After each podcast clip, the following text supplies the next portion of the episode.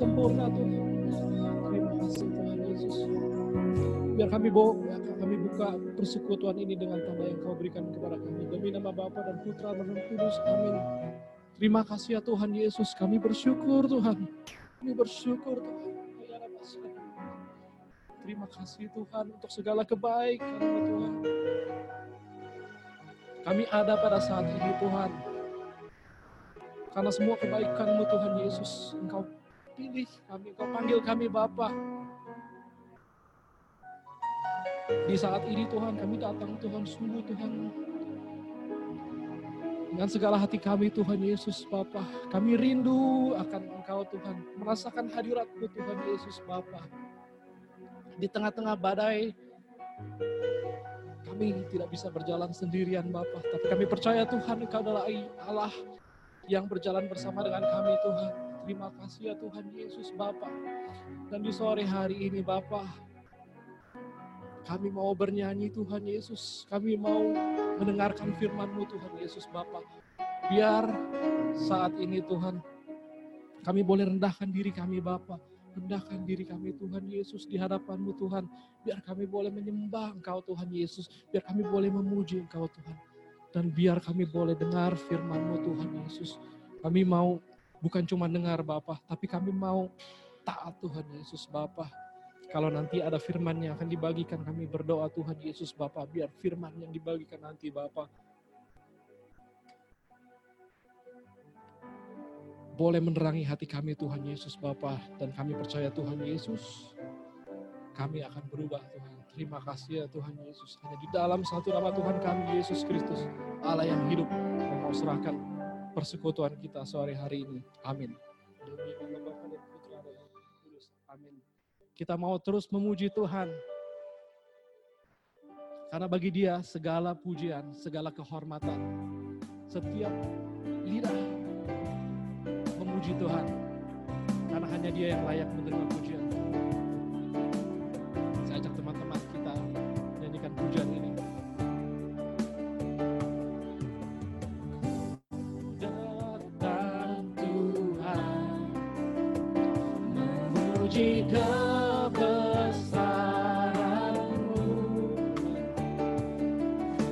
Dengan segenap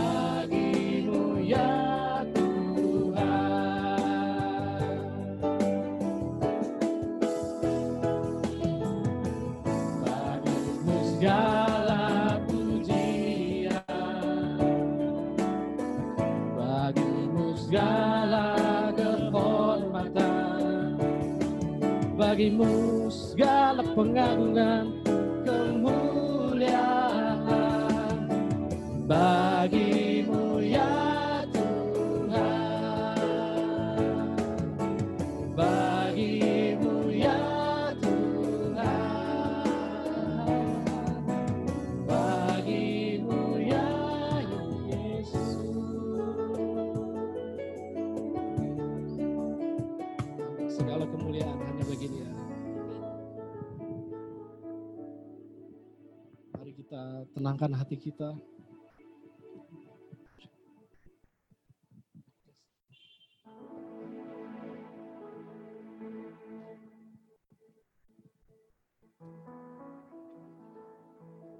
Kami mau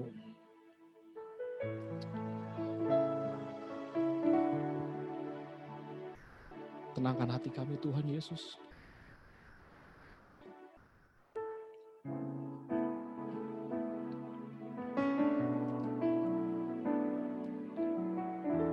Mau cari tempat Tuhan di mana kami boleh cari Engkau Tuhan Yesus. Menemukan Engkau Tuhan. Kami belum bisa tatap muka dengan Engkau Tuhan Yesus Bapa.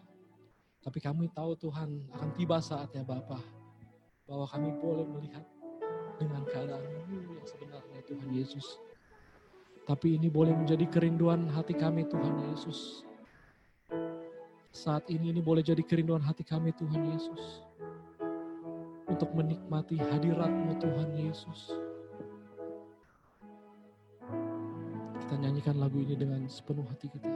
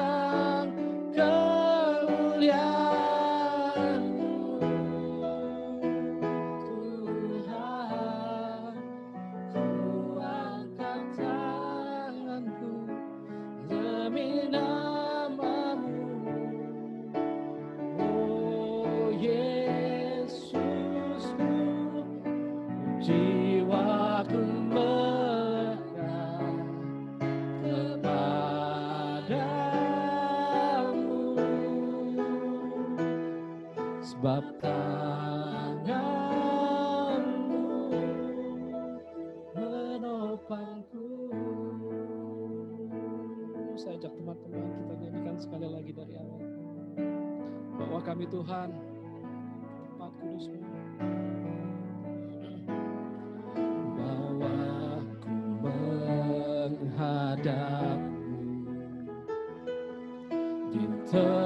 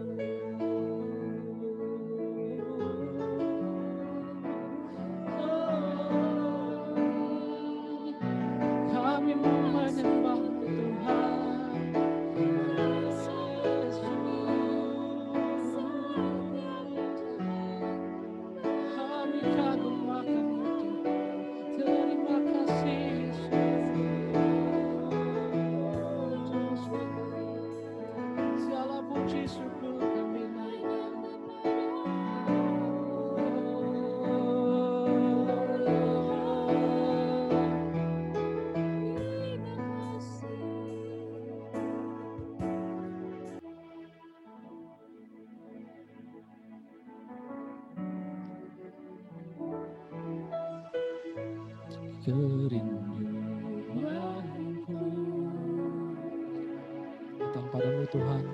Datang padamu. Kami katakan Allah mulia Allah mulia Mawar Syaron ku cinta. Amin. Kaulah Rajaku. Kau sahabat kami Tuhan sahabatku Yesus yang termanis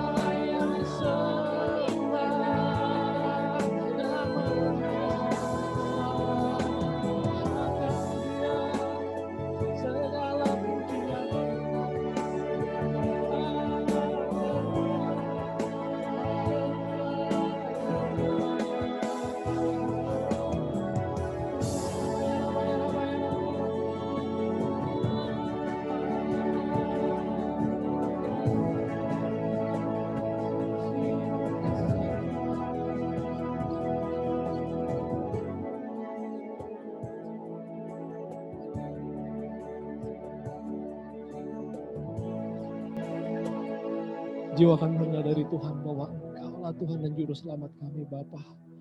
Biar hati kami boleh terus Tuhan menyembahmu Tuhan Yesus Bapa.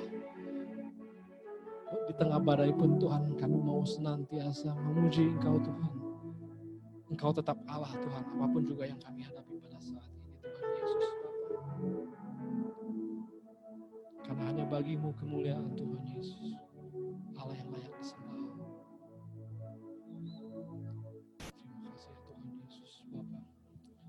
Tuhan terima kasih Bapa untuk kesempatan di siang hari ini Bapa kami boleh hening sejenak Tuhan Yesus bernyanyi bagimu Tuhan. Terima kasih Tuhan Yesus. Kami juga bersyukur Tuhan di siang hari ini Tuhan. Engkau telah utus Ko Elfri Bapa untuk sampaikan firman dan perkataanmu Tuhan Yesus. Kami berdoa Tuhan, urapi dia Bapa dari kepala, bibirnya Tuhan. Engkau pakai Tuhan untuk sampaikan segala perkataanmu Tuhan. Dan biar kami yang mau mendengarkan Tuhan, kami mau siapkan hati kami Bapa. Biar hati kami Bapa boleh menjadi tanah yang cocok Bapa untuk firman Tuhan ditabur Bapa dan kami tidak akan sama lagi Tuhan Yesus Bapa. Terima kasih ya Tuhan Yesus. Kami mau serahkan uh, pemberitaan firman ini ke dalam tanganmu Tuhan Yesus. Amin. Amin. Waktu kita serahkan kepada Ko Elfri. Yo. Thank you Eka dan semua tim Praise and Worship. Kita diberkati dengan sama-sama memuji menyembah Tuhan. Oke, selamat sore teman-teman, Bapak Ibu, semua yang dikasih Tuhan. Mari kita siapkan catatan Alkitab dan tentu saja hati yang terpenting. Ya. Hari ini saya mau bagikan satu kebenaran sederhana. Judulnya makanan yang tidak dikenal. Judulnya makanan yang tidak dikenal. Uh, saya mulai dengan uh, cerita, ya, yaitu waktu Tuhan Yesus dia berkhotbah, ya, sering kali dia meng, me, mengatakan perkataan-perkataan yang tidak dimengerti oleh banyak orang, ya.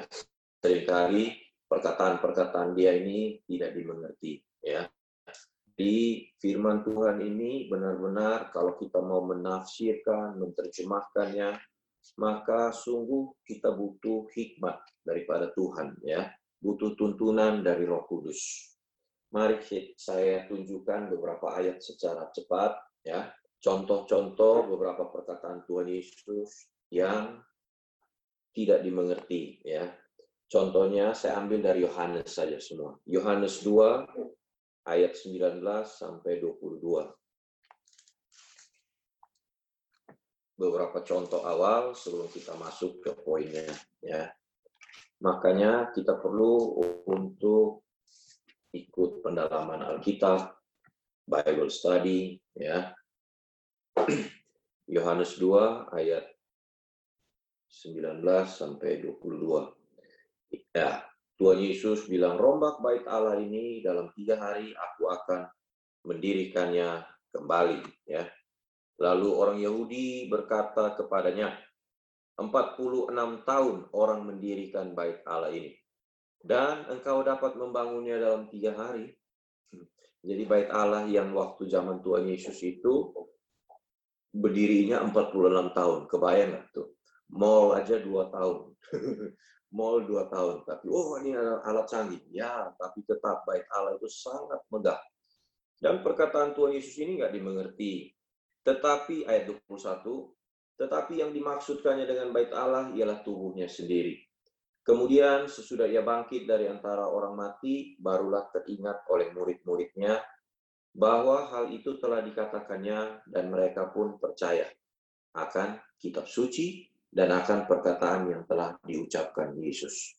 Coba kita waktu baca berimajinasi kita sebagai orang Yahudi hari itu ya. Kita lagi mengagumi bangunan yang dibangun 46 tahun. Kemudian Herodes mempercantik bait Allah tersebut untuk ambil hati orang Yahudi ya. Kemudian Tuhan Yesus saya rombak saya diri dalam tiga hari. Hmm. Kita pasti juga bilang ini orang kayaknya gila nih ya ini orang punya statement ini enggak ini gila nih mungkin ya. Tetapi hari ini kita ngerti karena kita ada Injil. Di Injil tertulis, oh yang dia maksud itu tubuhnya, baik Allah itu tubuhnya, bahwa nanti dia akan mati tiga hari gitu loh ya. Oh, jadi kita karena ada Injil, jadi kita tahu. Bahkan di ayat 22, para murid aja nggak mengerti loh perkataan Tuhan Yesus itu. Sampai Tuhan Yesus bangkit, baru mereka ingat perkataan Tuhan Yesus dan mereka mengerti. Dan perkataan yang tidak dimengerti oleh orang banyak ini dipakai untuk menyerang Tuhan Yesus. Matius 26 ayat 60 61. Matius 26 60 61. Ini waktu mereka mencari saksi palsu untuk mencari celah, mencari salahnya Tuhan Yesus. Maka oke. Okay. Mereka tidak memperoleh walaupun tampil banyak saksi dusta, akhirnya tampil dua orang, terus orang bilang, "Orang ini berkata, aku dapat merubuhkan bait Allah dan membangunnya kembali dalam tiga hari." Nah, jadi pelajarannya apa? Perkataan Tuhan Yesus yang tidak dimengerti bisa dipakai untuk menyerang dia. Maka hari ini kalau kita nonton berita pun juga ada orang-orang dengan statementnya yang kontroversial. Kita nggak tahu dia benar atau dia salah, kita nggak tahu. Ya, saya juga nggak mau bahas dia benar apa salah. Tetapi gara-gara statementnya tersebut, banyak orang bisa dipenjara, banyak orang masuk tahanan. Ya, kita nggak tahu dia benar apa salah. Jangan-jangan mungkin dia benar, kita yang belum ngerti, gitu loh ya. So, pengertian terhadap sesuatu sangat penting. Ketika saya mengajar firman Tuhan pun juga demikian. Ketika saya menyampaikan beberapa kebenaran, kadang-kadang banyak orang belum bisa menangkap dengan sempurna ya. Dan makanya saya suka bilang tampung dulu ya. Coba renungkan, tanya sama Roh Kudus, ikuti terus, nanti lama-lama makin kebuka, makin kebuka, ya. Yang parah itu kalau sudah nggak mengerti tapi nggak mau belajar, sombong gitu loh. Udah tahu, wah udahlah, udah tahu. Nah ini ini repot, ya. Kalau belum mengerti, ikuti terus, nanti lama-lama pasti mengerti. Saya sendiri selama bertahun-tahun, ya Tuhan bukain, bukain, bukain, tapi sedikit demi sedikit ya pengertian mengenai firman Tuhan. Contoh yang lain lagi, Yohanes 3. Ya, jadi perlu pengertian ini sangat penting. Di Yohanes 3, kita nggak usah baca semuanya, cerita tentang Nikodemus. Yesus ketemu sama Nikodemus. Kemudian Yesus berkata, engkau harus dilahirkan kembali. Kalau engkau hendak melihat kerajaan Allah. Ayat 3. Nikodemus bingung. Nah, mesti lahir kembali. Nikodemus sudah tua. Dia bilang gimana caranya lahir kembali? Maksudnya gimana nih? Mesti masuk ke dalam rahim ibu gitu loh lagi. Belum lagi misalnya kalau hari itu Nikodemus mamanya sudah meninggal. Dia mau masuk ke rahimnya siapa? Jadi statement Tuhan Yesus ini nggak dimengerti. Tetapi hebat. Nikodemus ditegur dengan keras oleh Tuhan Yesus sebenarnya. Ya, di ayat ke ke hmm, 10 ya. Yohanes 3 ayat 10 Tuhan Yesus bilang, engkau adalah pengajar Israel dan engkau tidak mengerti hal-hal itu. Maksudnya, kamu ini bukan pengajar odong-odong gitu loh. Kamu ini bukan pengajar cuma di satu PA atau dua PA atau tiga PA kalau hari ini gitu ya. Tapi satu Indonesia misalnya tahu, kenal siapa kamu gitu loh. Kamu harusnya ngerti dong perkataan saya, kata kata Tuhan Yesus. Ini sebenarnya suatu teguran yang sangat keras. Kalau kita jadi Nikodemus, mungkin kita bisa marah. Siapa siapa lu? Lu rabi newbie, pendatang baru. Bisa-bisanya lu berani tegur saya gitu loh ya. Tetapi nanti teman-teman saya nggak mau bahas. Nanti kalau suatu hari kita belajar, Nikodemus ternyata ditegur sama Tuhan, dia belum ngerti hari itu. Tetapi Nikodemus tetap mengikuti Tuhan. Maka nanti kalau teman-teman cari, di pertengahan dia ikut Tuhan, dia bela Tuhan Yesus. Waktu Tuhan Yesus mau dirajam, dia bilang, masa kita mau rajam orang tanpa dengar pembelaannya dahulu? Dia mulai membela Tuhan Yesus. Dengan resiko dia dijauhkan oleh orang-orang Yahudi. Ya. Kemudian di akhir hidup Tuhan Yesus, siapa coba yang membawa rempah-rempah untuk mengurapi Tuhan Yesus? Nikodemus. Nikodemus. Jadi Nikodemus punya kerendahan hati, dan dia mau belajar. Statement Tuhan Yesus yang belum dimengerti tentang lahir baru, ternyata dengan dia ikut Tuhan Yesus terus, maka dia pun juga saya percaya dia lahir baru, ya. Jadi kita harus punya syarat untuk jadi murid Tuhan adalah punya kerendahan hati. Mau belajar, mau ditegur, mau berubah, mau kalau ada something yang wrong, kita mau ubah terus ya. Amin. Saya percaya kita semua di sini ya kita mau belajar ya. Maka saya kasih contoh lagi yang ketiga. Contoh yang terakhir habis itu selesai enggak bercanda. Contoh yang ketiga, kalau saya bisa tanya sama teman-teman, menurut teman-teman kira-kira statement Tuhan Yesus apa yang paling salah dimengerti oleh banyak orang? Yang paling kontroversial dan paling salah dimengerti oleh banyak orang. Kalau kalau ini dua arah, nanti teman-teman jawab. Tapi karena satu arah, jadi nggak apa-apa. Saya tanya, saya jawab sendiri. Ya, ada yang jawab, ada yang jawab statementnya adalah ada kan Tuhan Yesus pernah ngomong begini, kamu sangka aku datang ke dunia ini membawa damai? Saya datang bukan membawa damai, tapi saya datang membawa pedang, membawa api, dan aku berharap api itu yang kulemparkan itu sudah menyala di bumi ini. Ya, ada statement dia begitu. Itu memang heboh. Itu pun hari ini banyak orang belum mengerti statement Tuhan Yesus itu ya. Tapi ini pendapat saya. Menurut saya statement yang paling heboh yang dibuat oleh Tuhan Yesus yang mengakibatkan orang-orang meninggalkan dia. Yaitu di Yohanes 6 ayat 54. Coba kita lihat. Yohanes 6 ayat 54.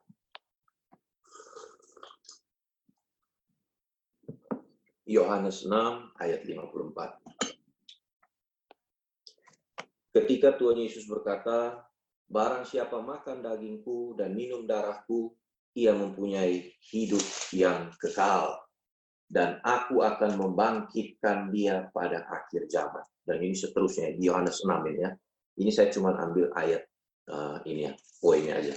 Tapi kalau baca, intinya Tuhan suruh murid-murid itu harus makan dagingnya minum darahnya. Wow, kanibal dong, makan daging, minum darah. Maka ketika statement Tuhan Yesus ini di ayat 60, coba lihat ayat 60-nya, murid-murid sesudah mendengar semuanya itu, banyak dari murid-murid Yesus berkata, perkataan ini keras, siapakah yang sanggup mendengarkannya? Akibatnya apa? Ayat 66. Ayat 66. Mulai dari waktu itu, banyak murid-muridnya mengundurkan diri dan tidak lagi mengikuti dia. Perkataan Tuhan Yesus yang tidak dimengerti dianggap keras dan membuat apa? Banyak murid-murid meninggalkan dia. Banyak murid-murid meninggalkan dia. Dalam pelayanan saya juga bertemu banyak juga yang meninggalkan ketika mendengar pengajaran yang keras, atau pengajaran yang belum dia bisa terima atau mengerti, dia cepat bisa meninggalkan. Kasihan, akhirnya dia tidak kebuka. Sayang sekali ya, sayang. Perkataan ini, statement ini paling salah dimengerti. Even sampai hari ini, saya rasa banyak orang Kristen, orang Katolik juga salah mengerti statementnya Tuhan Yesus ini. Ya, tanya maksudnya apa? Makan tubuh, minum darah, pasti masuk surga Ya, ini pasti nggak mengerti juga ya. Uh, sebenarnya itu intinya adalah mengenakan kehidupan seperti Tuhan Yesus. Kita harus mengenakan kehidupan seperti Tuhan Yesus. Makan tubuh, tubuh itu lambang dari hidup. Contohnya Roma 12 ayat 1 berkata, persembahkanlah tubuhmu sebagai persembahan yang hidup, yang kudus, dan yang berkenan kepada Allah itu adalah ibadahmu yang sejati. Persembahkan tubuh. Bukan kita kasih tubuh kita kemudian dibelek gitu loh. Persembahan buat Tuhan. Di perjanjian lama, kambing, domba dibelah. Itu persembahan yang mati. Sebagai korban bakaran. Itu. Tetapi di perjanjian baru, bukan itu. Yang Tuhan mau itu seluruh hidup kita. Jadi ketika dibilang persembahkanlah tubuhmu, itu berarti persembahkanlah seluruh hidup kita itu adalah ibadah yang sejati. Jadi ibadah yang sejati adalah seluruh hidup kita tujuh hari dalam seminggu, 24 jam dalam sehari. Ibadah yang sejati bukanlah hanya ketika kita pergi misa di gereja, bukan hanya ya dua jam, ya, tetapi seluruh kehidupan kita ketika bekerja, ketika apa pun, nyetir mobil juga bisa jadi ibadah. Kalau nyetirnya memberkati orang lain, ya, dan lain-lain, ya. Minum darah, minum darah maksudnya apa? Minum darah maksudnya di dalam darah ada nyawa makhluk hidup. Nyawa di situ bahasa Yunaninya suke, P S U C H E. Suke. Suke ini artinya jiwa. Jiwa itu adalah pikiran, perasaan, kehendak. Manusia kan terdiri dari tubuh, jiwa, roh. Jiwa terdiri lagi dibagi tiga. Pikiran, perasaan, kehendak. Berarti minum darah artinya sebenarnya adalah memiliki pikiran, perasaan, dan kehendak seperti Tuhan Yesus. Nah inilah baru orang pasti masuk surga, kata Tuhan Yesus. Jadi jangan salah mengerti. Jangan salah mengerti, ya. Saya kasih contoh, kalau masih belum bisa nangkap, saya kasih satu ayat gitu ya. Matius 7, 21, 23, nggak usah dibuka, ini ayat sudah hafalan. Matius 7, 21, 23. Bukan semua orang yang berseru Tuhan, Tuhan akan masuk ke dalam kerajaanku. Pada hari terakhir banyak orang akan berseru Tuhan, Tuhan. Siapa yang berseru Tuhan, Tuhan? Orang Kristen. Hanya orang Kristen yang panggil Yesus itu Tuhan. Ya, Berarti tidak semua orang Kristen masuk kerajaanku. Tetapi dia yang melakukan kehendak Bapakku di surga.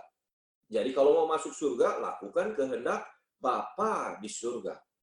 Bahkan itu yang berseru Tuhan-Tuhan itu yang ditolak oleh Tuhan Yesus, itu adalah orang-orang bukan umat biasa, tetapi umat level pelayanan.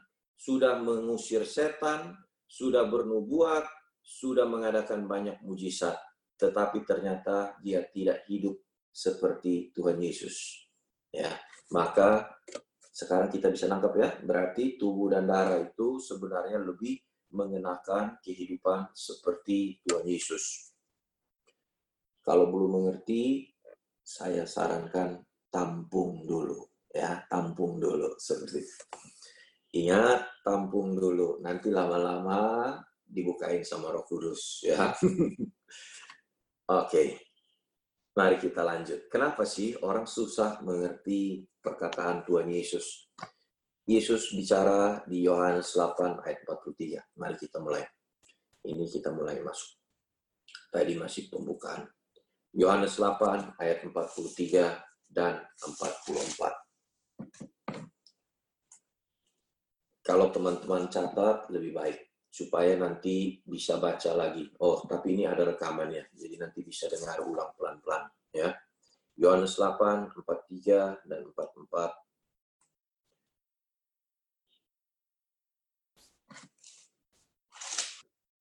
berkata, Tuhan Yesus menegur orang-orang. Dia berkata, kenapa sih? Apa sebabnya kamu tidak mengerti bahasaku? Sebab kamu tidak dapat menangkap firmanku. Iblislah yang menjadi bapakmu, dan kamu ingin melakukan keinginan-keinginan bapakmu. Waktu Tuhan Yesus khotbah, sebenarnya kan kalau dia ngomongnya pakai bahasa orang Yahudi, Ibrani, bahasa Aram waktu itu, ya sering dipakai, dan pendengarnya adalah orang yang mengerti bahasa Aram, mestinya kan ngerti gitu loh ya. Jadi kalau Tuhan Yesus ngomong apa ya mestinya ngerti. Tapi Tuhan bilang kenapa sih kok nggak ngerti-ngerti? Bukan maksudnya nggak ngerti. Ngerti secara bahasa bahasa Aramnya ngerti. Seperti kalau saya ngajar begini kan ngerti. Tapi bisa menerima nggak di dalam hati? Bisa setuju nggak dengan pengajarannya? Itu maksudnya. Kenapa sih kamu nggak bisa terima pengajaranku? Kenapa sih kamu nggak bisa nangkap yang saya maksud gitu loh, kata Tuhan Yesus. Saya bawa ke begini aja deh, simple. Saya kasih contoh. Misalnya kita ini pengikut, bukan misalnya, kita kan pengikut Kristus, orang Kristen. Firman Tuhan ini adalah perkataannya Tuhan Yesus. Jadi saya kasih contoh begini. Kalau ada orang menyakiti hati kita, kemudian kita ketemu di Injil ada tulis ampunilah musuhmu. Ya, ampunilah musuhmu. Kan sebenarnya clear, jelas. Tidak perlu berdoa tanya Tuhan lagi, itu sudah jelas tertulis. Ampunilah musuhmu. Berarti ada musuh, ampuni. Ada musuh, ampuni. Ada musuh, ampuni. Kan harusnya demikian. Tetapi kenapa kok susah banget? Kenapa kok sulit banget? Khotbah juga gampang, tetapi ketika praktek tidak mudah, ya. Tidak mudah, mesti perlu latihan terus-menerus. Jadi kalau ada yang nyebelin, ada yang ini yaitu kesempatan buat latihan lah, ya. kesempatan buat latihan. Kesempatan merubah hati kita. Kenapa sulit? Kenapa sulit mengampuni? Kenapa sulit untuk hmm, misalnya saya kasih contoh ada satu ayat yang cukup sulit 1 Korintus 6 ayat 7 ya. Ini ayat tertempel di dinding. Di dinding PD Thomas, tinggal dilihat. Masih ada nggak ya? Sudah berapa bulan nggak datang. 1 Korintus 6 ayat 7. Ayat hafalan beberapa orang. Ayat yang sangat sulit ya. Adanya saja perkara di antara kamu, seorang terhadap yang lain telah merupakan kekalahan bagi kamu. Mengapa kamu tidak lebih suka menderita ketidakadilan? Mengapa kamu tidak lebih suka dirugikan? Ini kalau dikhotbahkan orang meninggalkan juga nih yang khotbah nih gitu ya. Artinya begini, kalau kamu ngalamin ketidakadilan, ya udah, ya udah. Kadang-kadang kita mengalami keadilan, kadang-kadang ketidakadilan. Ya udah, that's life. Ya, ampuni, move on. Kalau lagi coan, kadang-kadang juga bisa tidak tidak untung ya, rugi gitu loh. Nggak mesti hidup ini untung terus. Bisa nggak bersyukur ketika nggak cuan?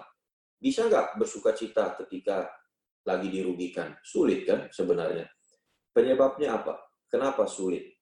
Inilah kenapa firman Tuhan itu orang nggak bisa mengerti. Ada yang tahu jawabannya? Sebenarnya jawabannya ada di ayat yang ke-40, eh, di ayat yang ke, ya, 44 tapi saya akan bacakan sambil saya lihat ke Alkitabnya. Saya nggak mau lihat ke teman-teman. Karena jawabannya adalah karena iblislah yang menjadi bapakmu. I'm sorry. Ya, ini kan firman Tuhan yang bilang loh. Ini Tuhan yang bilang, saya tinggal mengomong, membacakan. Maksudnya apa? Maksudnya begini, jangan tersinggung dulu, jangan marah dulu, jangan meninggalkan dulu. Ya, maksudnya begini kita semua kalau mau jujur, mau jujur nih ya, kan tadi kenapa sulit lakukan firman Tuhan? Karena kita dari kecil sampai gede sudah terbiasa punya keinginan-keinginan sendiri. Sudah terbiasa punya keinginan-keinginan yang juga dipengaruhi oleh keinginan daripada iblis. Kalau ada yang sakiti, balas. Bahkan ada orang yang hidup dengan suatu suatu falsafah hidup saya pernah dengar dia bilang begini, kalau orang baik sama saya, saya akan lebih baik daripada dia. Tapi kalau lu jahat sama gua, lu akan lihat iblis yang sebenarnya kayak bagaimana. Ngeri banget ya. Ada orang hidup dengan filosofi begitu ya. Jadi dia hanya baik kepada orang yang baik. Bahkan dia bisa lebih baik. Tapi kalau orang jahat, dia akan lebih jahat lagi. Ini kan sebenarnya filosofinya iblis. Ya, filosofinya iblis. Ya, jadi banyak kali keinginan-keinginan kita sudah kepengaruh sama dunia ini, sama iblis juga, ya, sama iblis. Ya, makanya Tuhan Yesus tegur murid-murid orang banyak itu karena iblislah yang menjadi bapakmu dan kamu kepinginnya melakukan keinginan bapakmu. Kalau keinginan Bapa di surga adalah ampuni. Kalau keinginan Bapa di surga adalah mengalah kalau keinginan Bapak di surga adalah berkorban dan seterusnya. Itu kan kita belajar. Tidak mudah, memang. Nah, berarti kemudian waktu saya baca firman Tuhan ini, saya mengerti kenapa Tuhan Yesus berkata, berjuanglah masuk melalui pintu yang sempit dan jalan yang sempit. Kenapa pintu itu sempit? Kenapa jalan itu sempit? Menurut yang saya pahami, Jangan-jangan bukan karena pintunya yang kecil atau jalannya yang kecil ya secara harfiah, tetapi karena kitanya yang kegedean keinginan yang tidak berasal dari Tuhan. Keinginan yang tidak berasal dari Tuhan. Maka kita perlu direhabilitasi. Pendalaman Alkitab ini sebenarnya rehab. Buat rehab jiwa. Kita semua termasuk yang khotbah sakit. Kita semua sedang sakit bukan sakit secara fisik, tetapi sakit jiwa. sakit jiwa bukan yang gila gitu loh. Tapi sakit jiwanya itu keinginan jiwa kita. Bisa mengerti sampai sini? Misalnya saya kasih contoh begini. Siapa orang di sini kalau dihargai orang, wah senangnya minta ampun. Kalau dipuji orang, senang banget kan kita kan. Tapi kalau dihina orang langsung, wah marah dan lain-lain. Nah, sakit jiwa sebenarnya. Tuhan Yesus datang ajarin kita, ya termasuk yang khotbah ini juga berjuang. Rehabnya lumayan lama, masih jadi begini juga. Masih direhab, ini masih rehab terus. Dan kita harus rehabilitasi seumur hidup dengan pengajaran firman yang benar. Supaya kita punya keinginan-keinginan yang salah, itu semakin berkurang. Maka pintu yang tadinya sempit, jalan yang tadinya sukar, itu bisa kita lalui. Sampai sini bisa dimengerti? Oke, saya lanjut. Saya coba dengan satu pertanyaan yang nanti tolong dijawab sendiri di rumah. Ya. Kalau saya tanya sama orang-orang yang yang sudah dengar bisa jawab, yang belum coba. Pernah dengar perumpamaan tentang uh, penabur? Benih yang ditabur di tanah yang baik adalah orang yang setelah mendengar firman dan titik-titik, maka ia berbuah 30, 60, 100 kali lipat. Jadi benih yang ditabur di tanah yang baik, yang berbuah 30, 60, 100 kali lipat, adalah orang yang mendengar firman dan titik-titik. Tolong isi titik-titik tersebut. Maka saya tanya, mungkin teman-teman akan menjawab ada yang sudah menjawab benar. Tapi kebanyakan akan menjawab melakukan.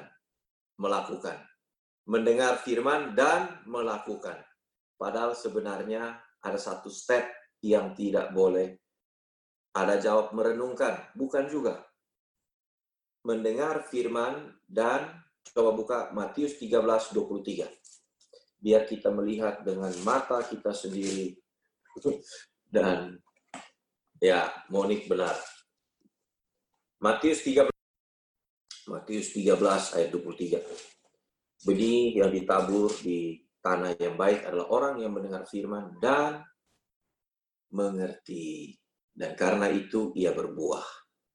Jadi ingat garis bawahi kata mengerti. Mengerti itu sangat penting. Sebelum melakukan, ngerti dulu gitu loh. Bisa nggak melakukan tanpa mengerti? Ya bisa, tetapi itu nggak bikin permanen. Alasan orang itu mesti ngerti alasan dia lakukan sesuatu. Ketika dia ngerti alasan dia lakukan sesuatu, maka misalnya alasan kenapa kamu harus belajar giat supaya nanti kalau kamu belajar giat dapat nilai bagus ya mungkin kamu cari kerjaan lebih gampang. Oh, oh itu ya, oh itu. Jadi dia punya suatu daya dorong untuk dia nggak males. Dia ngerti Oh, kalau saya nggak belajar giat, nanti efeknya ini. Nah, kalau cuma dibilang, kamu mesti belajar ya. Kenapa? Ya karena mesti belajar. Ya kenapa? Karena papa bilang kamu mesti belajar. Because I said so. Ya, ini sulit. Dia bisa taat, tetapi dalam hati agak ngedumel juga bisa.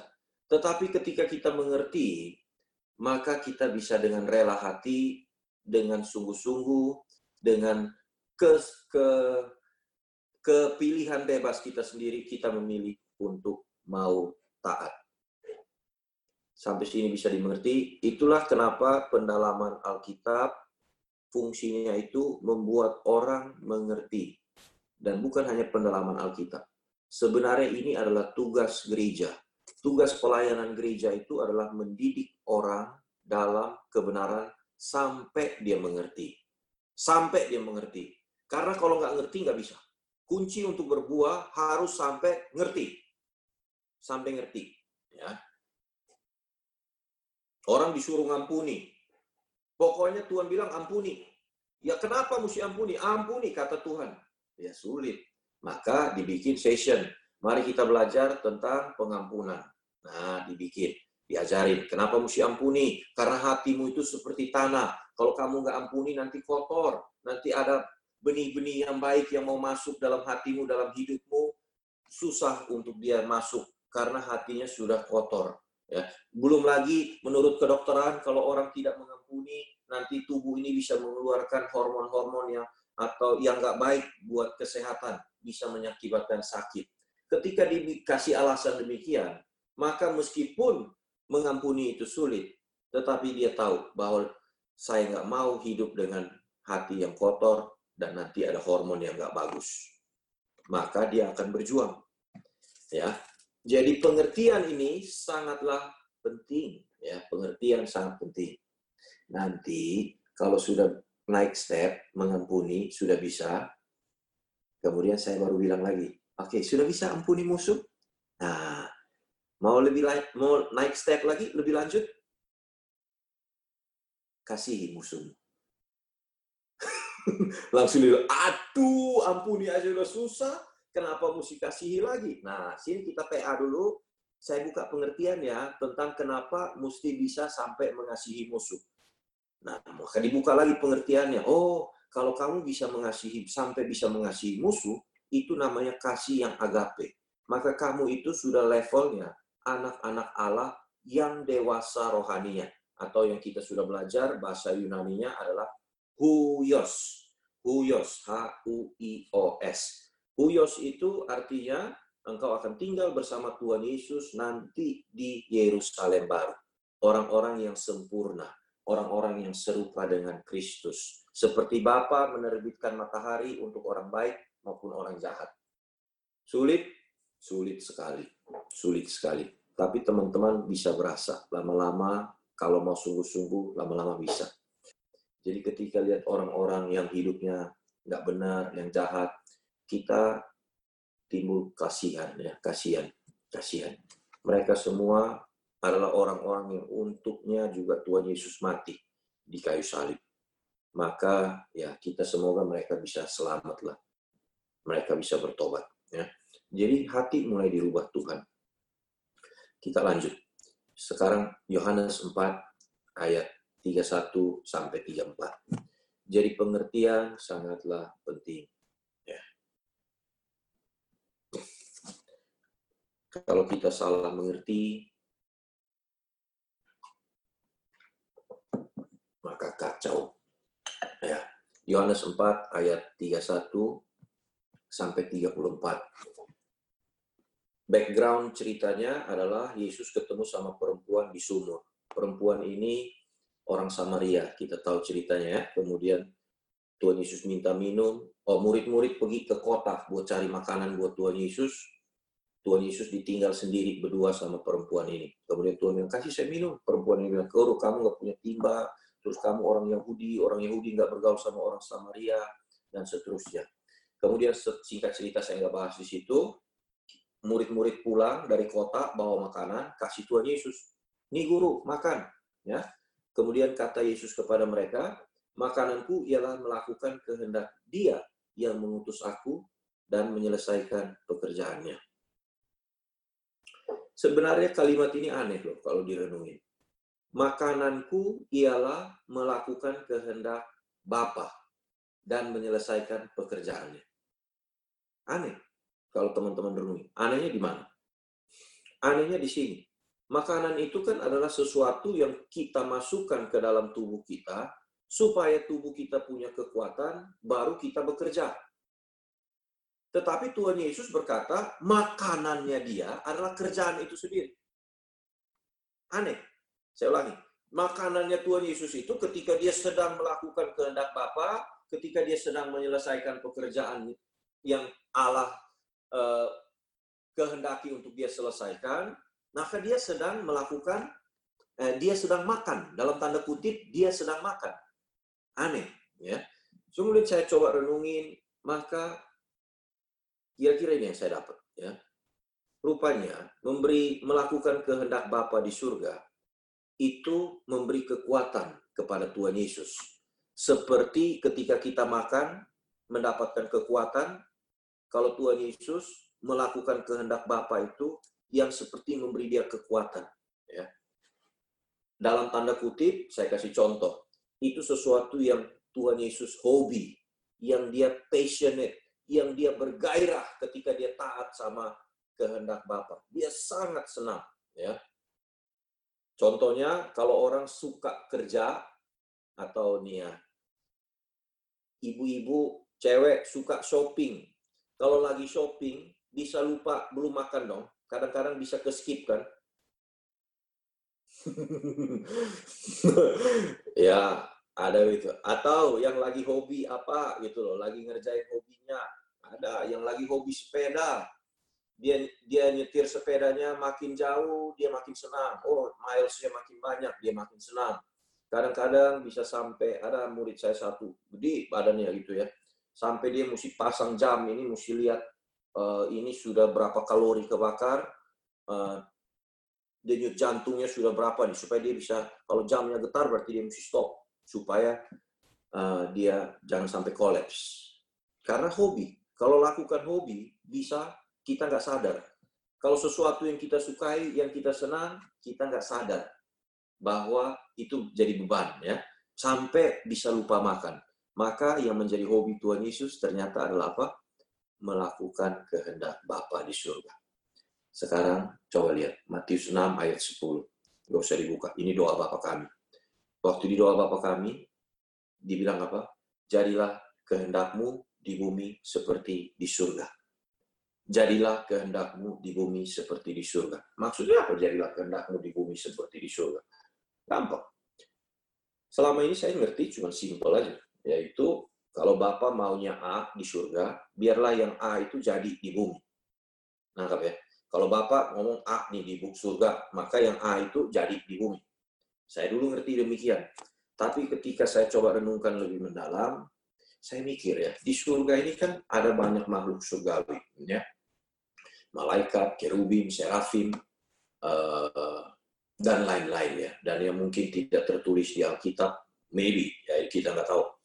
Apakah para malaikat ini semuanya terus-menerus uh, non-stop memuji, menyembah Tuhan terus-menerus, kerjanya memuji, menyembah Tuhan terus, non-stop, non-stop.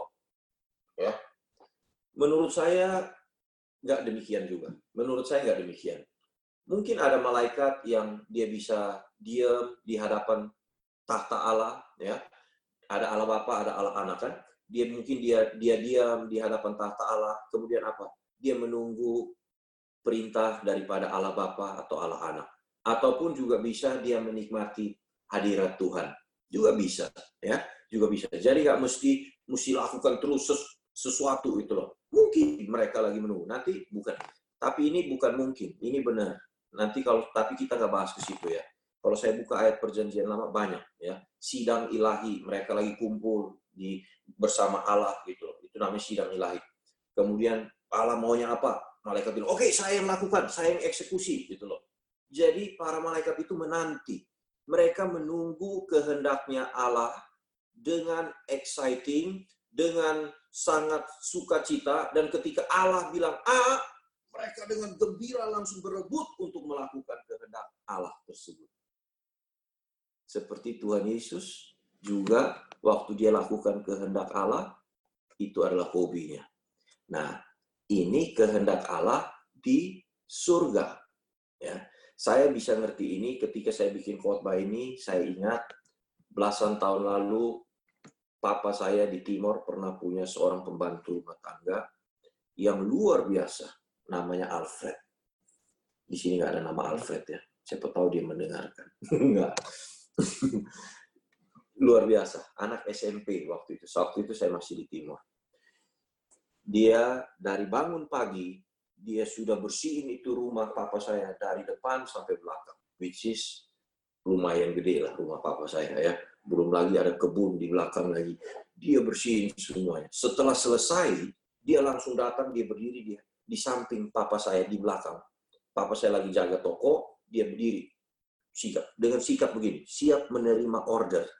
Jadi ketika papa saya mau lakukan sesuatu, tinggal begini, dia langsung, iya bos, iya bos, ada orang datang belanja, dia langsung cepat-cepat begini. Oh bos, ini harga berapa nih bos? Dia begini. Oh.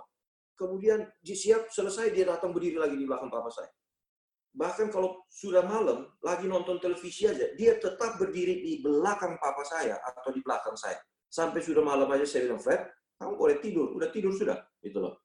Dia bilang, belum bos. Sampai kita masuk tidur, baru dia tidur. Saya waktu itu, waktu Alfred ada kerja, ya Itu saya sudah mau ke Jawa, lama lagi saya sudah ke Jawa. Saya bilang, saya kalau punya uang, orang ini mau gaji berapa, kalau saya sanggup bayar, saya bayarin dia. Bahkan saya mau kasih dia beasiswa atau apalah pokoknya gitu loh. Karena belum pernah saya ketemu orang seperti ini. Yang melakukan kehendak bosnya dengan exciting, habis itu dia duduk, duduk nunggu lagi. Saya bayangkan malaikat di surga jauh lebih daripada Alfred. Oke, okay. sekarang itu di surga. Ya, itu di surga ya. Sekarang gimana? Kalau kehendak Allah di bumi gimana? Kalau manusia nih, manusia nih, waktu tahu kehendak Allah, sikap manusia gimana? Cepat-cepat pingin lakukan, exciting, hobi, semangat, passionate, atau ngedumel, tunggu ya Tuhan, ampuni lagi, ampuni lagi mengasihi lagi, mengasihi lagi. Kenapa sih mesti ampuni orang jahat? Ngapain sih mesti memberi? Tuhan nggak lihat, saya sudah kerja capek-capek. Ngapain mesti tolong dia? Kenapa saya terus yang mesti berkorban? Kenapa mesti saya mengalah terus? Ini kan hakku. Ini kan it's mine, mine, mine. Kehendak Bapa di dunia, di bumi, direspon manusia sebagai beban. Bukan sebagai kesukaan. Seharusnya ketika kita berdoa, datanglah kerajaanmu, jadilah kehendakmu di bumi seperti di surga. Bukan hanya kehendak yang A itu kita lakukan. Tetapi kalau kita bawa lebih dalam lagi, sampai kita bisa enjoy, kita menikmati ketika kita sedang taat kepada Tuhan. Biarkan perkataan ini mengendap dulu harusnya sampai ke level demikian sebenarnya. Ini memang sangat sulit. Tetapi kalau dilatih terus-menerus, pasti akan bisa nyampe. Sama seperti saya bilang, merubah selera jiwa sulit. ya Merubah selera lidah sulit. Tapi hari ini saya berhasil, misalnya saya kasih contoh dalam hal minum kopi. Dulu saya minum kopi selalu pakai gula. Dua sendok lagi itu ya, sendok kecil. Tapi Kemudian saya latih minum kopi pahit karena katanya lebih sehat ya. Jadi saya minum pertama nggak enak, udah pasti ini kopi kok pahit banget gitu ya. Minum, minum, minum. Hari ini justru kalau minum kopi ada gulanya, saya rasa nggak enak. Ternyata yang pahit yang enak. Jadi lidahnya, seleranya udah berubah. Hari ini melakukan kehendak Tuhan menjadi beban. Mungkin kita taat dengan, aduh susah ya, aduh ya aduh ya, kapan dia berubahnya ya? Kapan dia berubah ya? Kita tunggu-tunggu dia nggak berubah gitu ya. Tetapi ketika kita lakukan terus-menerus, melatih, maka suatu hari saya sangat percaya. Seperti merubah selera lidah bisa, maka merubah keinginan kita. Sampai melakukan kehendak Tuhan itu jadi sesuatu yang passionate, yang hobi. Maka itu bisa, sangat amat bisa. Amin. Ya, berjuang tapi kita lanjut ya. Jadi nah sekarang kita lihat ya. Melakukan kehendak Bapa dan menyelesaikan pekerjaan. Ini adalah makanannya Tuhan Yesus ya. Bahkan Tuhan Yesus berkata di Yohanes 6 ayat 27 ya. Yohanes 6 ayat 27. Tuhan berkata, "Bekerjalah bukan untuk makanan yang akan dapat binasa, melainkan untuk makanan yang bertahan sampai kepada hidup yang kekal yang akan diberikan anak manusia kepadamu. Sebab dialah yang disahkan oleh Bapa Allah dengan meterainya. Tuhan Yesus mengingatkan kita, bukan mengingatkan, ini memerintahkan, bekerja bukan untuk makanan yang akan dapat binasa. Apa makanan yang akan dapat binasa? Makanan yang akan dapat binasa itu yang Tuhan Yesus omong, mamon yang tidak jujur. Catat dulu, mamon yang tidak jujur. Itu makanan yang akan dapat binasa. Yaitu apa? Mamon yang tidak jujur itu bisa uang, bisa status, posisi, kedudukan, fame, terkenal, aset, itu mamon yang tidak jujur. Uh, apa lagi ya? Harta, tahta, kuasa, itu mamon yang tidak jujur ya Tuhan bilang bekerjalah bukan untuk makanan yang dapat binasa. Kenapa? Karena itu nggak dibawa.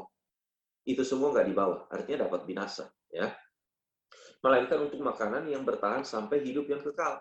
Apa makanan yang bertahan sampai hidup yang kekal? Melakukan kehendak Bapa dan menyelesaikan pekerjaan. Melakukan kehendak Bapa dan menyelesaikan pekerjaannya. Itu adalah makanan yang kekal, yang tidak dapat binasa. Saya bawa lebih lanjut.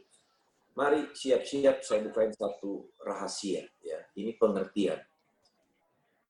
Coba kita buka di Keluaran 22 ayat 31. Jadi makanan yang tidak dapat binasa itu adalah melakukan kehendak Allah. Itu baru makanan yang tidak dapat binasa. Karena ketika kita melakukan kehendak Allah, itu semua diperhitungkan sampai di kekekalan. Tetapi kalau kita bekerja, kita hanya untuk mencari uang, hanya untuk mencari terkenal, atau hanya untuk supaya dipuja-puja orang, maka itu semua dapat binasa. Ya, artinya nggak dibawa untuk dinilai Tuhan. Keluaran 22 ayat 31. Oke. Haruslah kamu menjadi orang-orang kudus bagiku, daging ternak yang diterkam di padang oleh binatang buas, jangan kamu makan.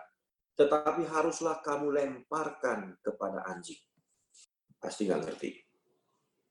Ini salah satu dari hukum Taurat. Orang Israel itu adalah bangsa pilihan. Bangsa pilihan. Karena untuk menurunkan Mesias, Tuhan Yesus. Maka karena mereka itu bangsa yang spesial, ya Tuhan mau supaya bangsa lain itu lihat, oh orang Israel ini bangsa pilihan nih. Maka saya berkati dia, saya kasih dia rules, peraturan ya. Makanya orang Israel itu banyak yang larangannya. Makanan aja banyak yang haram, nggak boleh. Kepiting nggak boleh, babi nggak boleh, hewan yang hidup di dua dua alam dia nggak boleh makan, belum lagi macam-macam peraturan uh, hukum Taurat ya. Hari Sabat mesti ngapain banyak sekali. Karena kamu spesial kata Tuhan ya. Dan Tuhan pun memang memberkati orang Israel secara fisik. Secara jasmani mereka diberkati ketika taat sama Tuhan. Ini yang banyak orang nggak mengerti. Itu untuk orang Israel. ya Perjanjian lama itu ketika Tuhan memberkati secara jasmani, itu untuk orang Israel. Kalau kita yang namanya berkat itu bukan secara jasmani, tetapi ketika hatimu semakin melekat sama Tuhan, itu namanya berkat. Tetapi kalau hati semakin jauh daripada Tuhan, itu namanya kutuk. Saya ulangi pelan-pelan. Ini mukanya mulai mengkerut kelihatannya. Kalau ya orang salah ngerti itu loh. Banyak orang juga nggak ngerti firman ini yang pusing kita gitu ya gimana untuk menyadarkan. Tapi saya bukain pelan-pelan ya. Saya kasih contoh. Tadinya nggak punya duit, tetapi kemudian punya uang. Maka hari ini kita bilang, oh dia diberkati Tuhan ya. Betul kan? Padahal ketika tadi tadi nggak punya duit, rajin PA, serius cari Tuhan. Tetapi ketika uangnya sudah banyak, sudah nggak PA lagi, sudah nggak serius cari Tuhan, hatinya mulai menjauh dari Tuhan. Pertanyaan saya, itu masih berkat? Jadi berkat itu bukanlah sesuatu yang dia punya uang atau uh, sakit jadi sembuh, tetapi kondisi hati manusia yang menjadi makin dekat sama Tuhan atau tidak, itulah yang namanya berkat atau tidak. Ya. Hmm. Tampung aja dulu ya. Mari kita lihat. Tampung dulu karena kebanyakan memang yang kita terima, kita ngerti ya agak kurang tepat sebenarnya ya. Tapi saya harus bukain ya pelan-pelan. Uh, nanti kalau selesai, kalau ada yang nggak jelas ya bolehlah WhatsApp atau apa ya. Mari kita lihat. Jadi hati itu yang paling penting. Hati yang melekat sama Tuhan itu ya orang yang diberkati. Atau gampang aja gue, sekarang masih mengkurut saya kasih contoh ya. Kalau teman-teman baca ucapan bahagia, saya coba baca ucapan bahagia, ya, baca ucapan bahagia ya, nanti cari sendiri. Berbahagialah orang yang apa? Miskin di hadapan Allah. Ya kan? Miskin di hadapan Allah. Sebenarnya bukan berbahagia. Bahasa aslinya blessed, diberkati. Jadi orang yang diberkati itu adalah apa? Orang yang miskin di hadapan Allah. Adalah orang yang senantiasa berharap kepada Tuhan. Berarti sebaliknya, kalau orang tidak berharap kepada Tuhan, berarti sebenarnya dia bukan diberkati. Kalau nanti teman-teman baca semuanya, ada nggak yang secara jasmani gitu loh? Berbahagialah orang yang kaya, duitnya banyak. Berbahagialah orang yang terkenal. Berbahagialah orang yang nggak ada, ya, nggak ada, nggak ada. Jadi sebenarnya salah konsep banyak. Tapi ya saya mesti, kita mesti pelan-pelan. Ya kalau teman-teman percaya, tapi ingat, saya ulangi ya, tidak salah, tidak salah kalau engkau menjadi kaya. Tidak salah kalau engkau menjadi terkenal. Bisa lengkap ya. Tetapi yang salah itu hatinya yang berubah itu. Hati yang menjadi jauh dari Tuhan karena kekayaan, maka itu bukan lagi berkat. Kalau kaya miskin melekat sama Tuhan, sedang melekat sama Tuhan, kaya tambah melekat sama Tuhan. Itu diberkati. Jadi bukan lihat dari duitnya, tetapi lihat dari kondisi hati kita. Ah. So, sekarang balik ke keluaran. Nah, lihat pelan-pelan. Saya letakin dulu satu hal. Orang Israel dibilang tidak boleh sembarangan makan. Makanan yang sudah dimakan oleh binatang buas, kasih kepada anjing. Jangan kamu makan. Artinya, bangkai, bangkai, jangan dimakan. Bangkai, jangan dimakan. Maksudnya apa, Free? Mari kita lihat. Filipi 3 Ingat ya, perjanjian lama itu kan gambaran, bayangan. Seperti orang Israel itu bayangan daripada nanti orang Kristen. Ya, jadi ini juga sama. Mari kita lihat apa yang Tuhan maksud. Karena engkau bangsa yang khusus, maka kamu jangan makan sembarangan. Kalau bangkai binatang, kasih kepada anjing, jangan dimakan. Kalau babi, jangan dimakan. Kalau kepiting, jangan dimakan. Orang Israel itu. Kalau kita kan makan semuanya. Terus apa dong? Makanan apa yang kita nggak boleh makan? Nah ini mari kita lihat Filipi 3 ayat 2 sampai 8, tetapi ya udah kita baca pelan-pelan. 2 sampai 8. Saya masih ada waktu. Filipi 3 ayat 2 sampai 8. Hati-hatilah terhadap anjing-anjing terhadap hmm, pekerja-pekerja yang jahat. Hati-hatilah terhadap penyunat-penyunat yang palsu. Ya, ini Paulus kasih nasihat kepada orang di Filipi. Pertanyaan saya, siapa anjing-anjing yang dimaksud di ayat, ayat ini, ayat 2?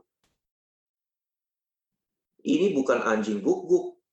Ini bukan anjing guk-guk, anjing herder, anjing itu bukan maaf ya, ini nanti uh, ini kalau kita kelompok kecil nanti saya bisa buka ini ya. Siapa guguk sebenarnya semua ini. Ini cuma salah satu. Siap salah satu yang di Alkitab tulis. Guguk di sini adalah pekerja-pekerja palsu. Ini adalah pelayan-pelayan Tuhan yang palsu. Lihat di situ, dibilang terhadap penyunat-penyunat yang palsu. Penyunat, bukan yang disunat. Kalau yang disunat itu umat. Penyunat berarti orang yang bekerja dong, menyunat. Berarti ini adalah orang yang bekerja. Para pelayan-pelayan di bait Allah. ya Waktu itu. Hati-hati. Kenapa? Karena orang-orang itu beribadah oleh roh Allah, bermegah dalam Kristus Yesus. Eh, kita orang yang beribadah kepada roh Allah tidak menaruh percaya pada hal-hal lahiriah garis bawahi tidak menaruh percaya pada hal-hal lahiriah. Maksudnya apa, Free? Hari ini orang salah mengerti. Ketika orang itu miskin, nggak punya duit, kemudian dia jadi kaya, karena dia punya uang banyak, kita pikir, oh ini orang berkenan sama Tuhan nih, makanya jadi kaya. Berarti kamu percaya sama hal-hal lahiriah dong. Berarti, tapi gimana dong? Ada nggak orang yang tetap ikut Tuhan sungguh-sungguh, tetapi seumur hidup dia nggak sampai kaya-kaya banget? Ya dia cukup lah, berkecukupan. Apakah dia nggak berkenan kepada Tuhan karena dia dia nggak nggak kaya menurut kita? Halo, coba pikir baik-baik, ya. Kan nggak mesti. Jadi jangan menilai orang itu berkenan kepada Tuhan atau tidak dengan hal-hal yang lahiriah. Karena Tuhan melihat batiniah, hati. Tuhan melihat batiniah. Tetapi di zaman Paulus ternyata sudah banyak pekerja-pekerja yang melihat tentang hal-hal lahiriah. Makanya Paulus bilang hati-hati sama mereka, ya. Mereka tuh menyombongkan diri dengan hal-hal lahiriah, punya jabatan tinggi, punya punya status tinggi, terkenal dan lain-lain. Maka Paulus di ayat 4 sampai di ayat yang ke-6 Paulus bilang begini, dalam tanda kutip nanti baca pelan-pelan ya. Kalau lu mau sombong mengenai hal-hal yang lahiriah, lu, lu baca kurikulum vitae saya. saya ini orang Yahudi, bangsa Israel asli, suku Benyamin, orang Ibrani asli. Tentang pendirian terhadap hukum Taurat, aku orang Farisi tentang kegiatan aku penganiaya jemaat. Jadi yang nggak sesuai dengan yang hukum Taurat, saya kejar, saya bunuh. Orang Kristen dikejar sama Paulus. Dari suku Benyamin, terus uh, tentang mentaati hukum Taurat, aku tidak bercacat. Ingat, Rabi Saulus, ini Rabi Saulus, sebelum dia jadi Paulus, dia Rabi. Saulus ini, Rabi Saulus ini adalah salah satu Rabi yang masuk di golongan Sanhedrin. Sanhedrin. Sanhedrin itu bos daripada para rabi. Jumlahnya ada 70 orang. Jadi mereka yang paling tertingginya, kira-kira kayak MPR-nya gitu ya. Uh, bukan, kayak kalau kita di Katolik kayak apa tuh? Hmm, kayak paus di bawahnya paus itu kayak begitu, yang tertinggi ya. Jadi pastor, pastor, pastor ada banyak, tapi ini bosnya gitu. Jumlahnya 70 orang doang, Sanhedrin. Dan Paulus adalah salah satu Salah satu lagi yang tadi kita baca, Nikodemus. Jadi itu status yang sangat amat tinggi buat orang Yahudi. Itu status yang sangat diidam-idamkan semua orang laki-laki Yahudi. Yaitu jadi rabi, tapi bukan hanya rabi rabi biasa, rabi yang jadi Sanhedrin. Wow, itu udah top. Itu sudah pasti top, uangnya banyak, kuasanya banyak, terkenal. Paulus itu contohnya. Tapi Paulus bilang, Semuanya itu lihat ayat yang ketujuh. Tetapi apa yang dahulu merupakan keuntungan bagiku, sekarang kuanggap rugi karena Kristus. Malahan segala sesuatu kuanggap rugi karena pengenalan akan Kristus Yesus, Tuhanku, lebih mulia daripada semuanya. Jadi semua kegemilangan dia, segala kehebatan Paulus, ya saya catat ya nih uh, dia punya kuasa. Tentu dia punya uang. Dia terkenal. Dia aktivis. Aktivis rohani. Ya. Jadi dia punya kuasa punya uang. Dia terkenal dia aktivis. Kemudian dia bilang semua ini kuanggap rugi supaya aku bisa memperoleh Kristus. Semua ini kuanggap merupakan keuntungan. Tadinya saya pikir ini kuasa, uang, terkenal ini saya anggap keuntungan. Sekarang saya anggap rugi karena Kristus. Malahan segala sesuatu kuanggap rugi karena pengenalan akan Kristus Yesus Tuhanku lebih mulia daripada semuanya. Teman-teman yang kalau sudah pernah sudah dijamah Tuhan pasti ngerti ini, gitu loh. Pasti mengerti. Waktu kita mengalami Tuhan, aduh uang seberapa banyak juga nggak bisa gantiin. Terkenal kayak gimana pun juga nggak bisa gantiin.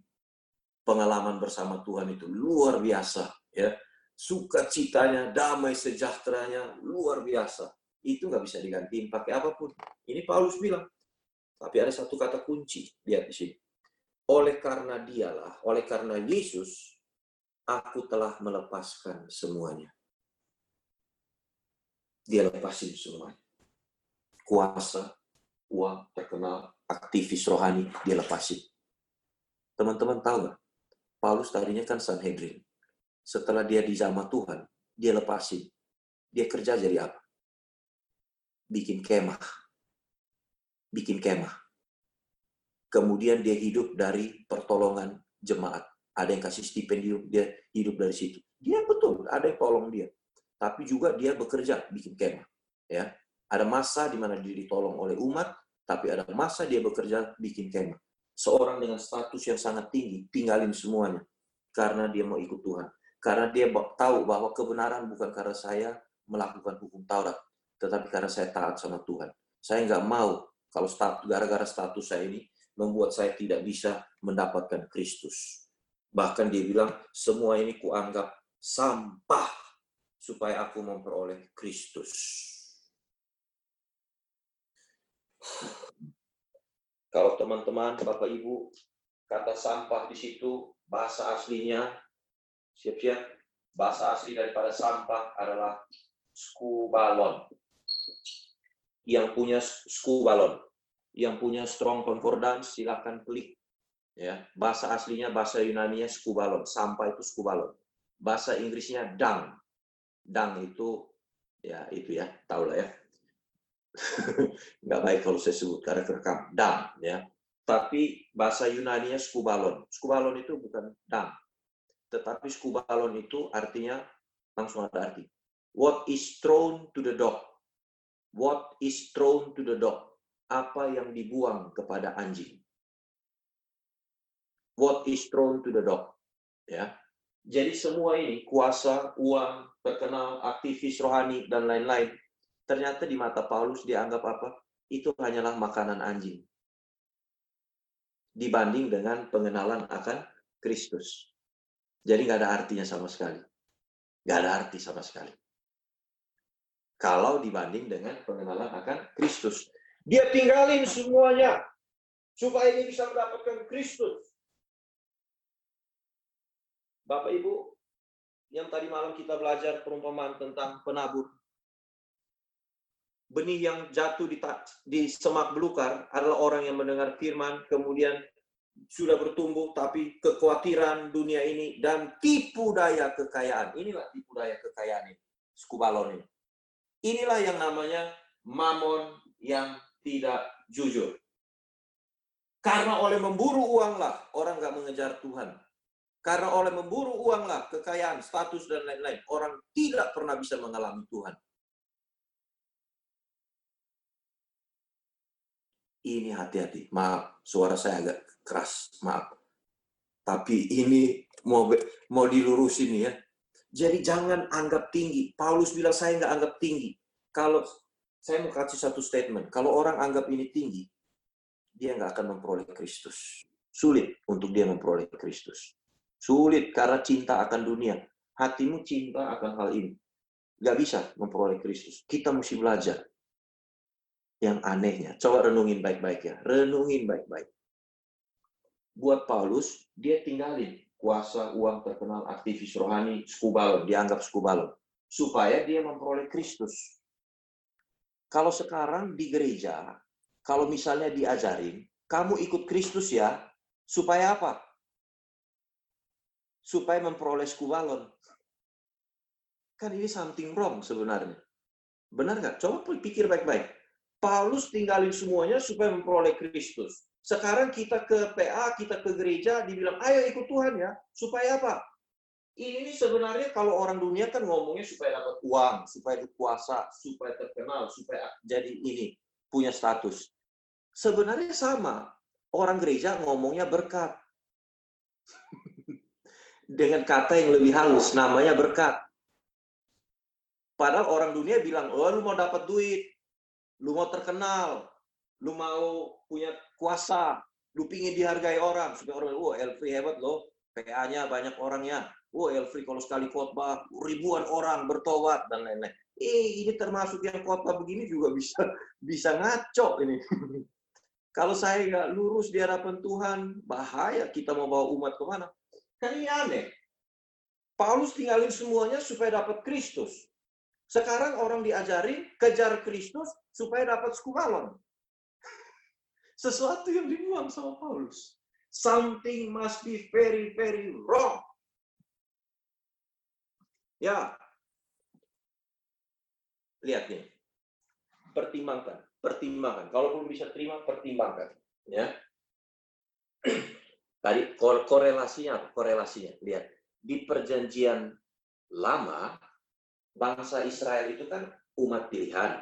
Jadi nggak boleh makan makanan anjing. Nah, kan? Bangke itu kan makanan anjing. Lu jangan makan bangke, itu makanan buat anjing. Sekarang di perjanjian baru kita umat pilihan. Kalau kita sudah percaya kepada Tuhan Yesus, kamu jangan makan ini. Kamu jangan makan skubalon. Kamu makananmu adalah melakukan kehendak Allah dan menyelesaikan pekerjaannya. Yang skubalon bagaimana? Biarin, itu kalau saya mau kasih kamu ya saya kasih. Tapi kamu kerja keras, tanggung jawab, gak usah kejar yang demikian. Ini nanti mamun yang tidak jujur. Saya ulangi pelan-pelan ya, jangan salah mengerti ya. Dibanding dengan pengenalan akan Allah, ternyata skubalon ini gak ada artinya. Ini cuma skubalon. Tetapi kalau engkau memakai kuasamu, uangmu, terkenalmu, status rohanimu, engkau tukarkan untuk kumpulkan harta di surga maka itulah baru mamon yang tidak jujur itu bisa punya arti. Lukas 16 ayat 9. Lukas 16 ayat 9. Sedikit lagi kita selesai. Lukas 16 ayat 9. Ini there must be something wrong. Sesuatu yang dibuang. Makanya lihat, sekarang coba kalau ada orang khotbah dan janjikan kalau ikut Tuhan dapat kekayaan. Tanya sama Sakeus. Sakeus tadinya kaya, tapi waktu Tuhan Yesus datang makan di rumah dia, duit dia berkurang nggak? Tanya sama Petrus dan para murid-muridnya. Waktu pertama sebelum ikut Tuhan Yesus, mereka punya kapal, punya penangkapan ikan. Tapi setelah ikut Tuhan Yesus, serigala punya liang, burung punya sarang. Anak manusia tidak punya tempat meletakkan kepala. Inilah yang sulit. Tetapi Bapak Ibu tenang, ya Makanya lihat orang muda yang kaya waktu datang cari Tuhan Yesus. Tuhan Yesus apa? Jual semuanya. Artinya apa? Jangan nilai tinggi. Tuhan mau tahu, kamu nilai tinggi nggak bisa. Tapi ketika misalnya orang muda yang kaya itu bilang begini, oke Tuhan, saya mau jual. Tuhan bilang, udah cukup, saya cuma mau hatimu. Kamu jangan pernah kasih nilai tinggi skubalon. Kalau kamu nilai tinggi skubalon, kamu nggak ketemu saya, nggak dapat saya. Ah. Lukas 16 ayat 9. Bisa diterima, teman-teman? sampai sini? Bisa dimengerti ya, pelan-pelan ya. Ini kekristenan yang benar. Ini kekristenan yang benar seperti inilah. Inilah Injil yang Tuhan Yesus ajarin. Coba teman-teman cari kata Injil ya. Injil itu apa? Selalu Injil kerajaan Allah. Injil kerajaan Allah. Artinya Injil untuk mempersiapkan orang masuk ke kerajaan Allah hidup dalam kerajaan Allah hari ini dan nanti tinggal bersama Tuhan di kerajaannya Tuhan, kerajaan surga atau kerajaan Allah. Bukan Injil kerajaan dunia. Kalau Injil kerajaan dunia cari Tuhan untuk dapat suku balon. Tapi kok saya tanya, seterkenal orang berapapun, sekaya orang bagaimanapun, saya tanya, mati dia bawa dia bawa nggak? Suku balon dia ini buat dinilai? Tidak dibawa satupun. Seterkenal apa pun, paling dipasang spanduk berapa bulan di jalan raya turut berduka cita ini ya. Kalau terkenal punya duit bisa pasang spanduk. Tapi nggak lama kemudian juga hilang. Apa yang dibawa? Nggak ada. Tinggalin duit kebanyakan ribut. Anak cucunya ribut berebut warisan. Apa ini berkat coba? Bukan berkat ya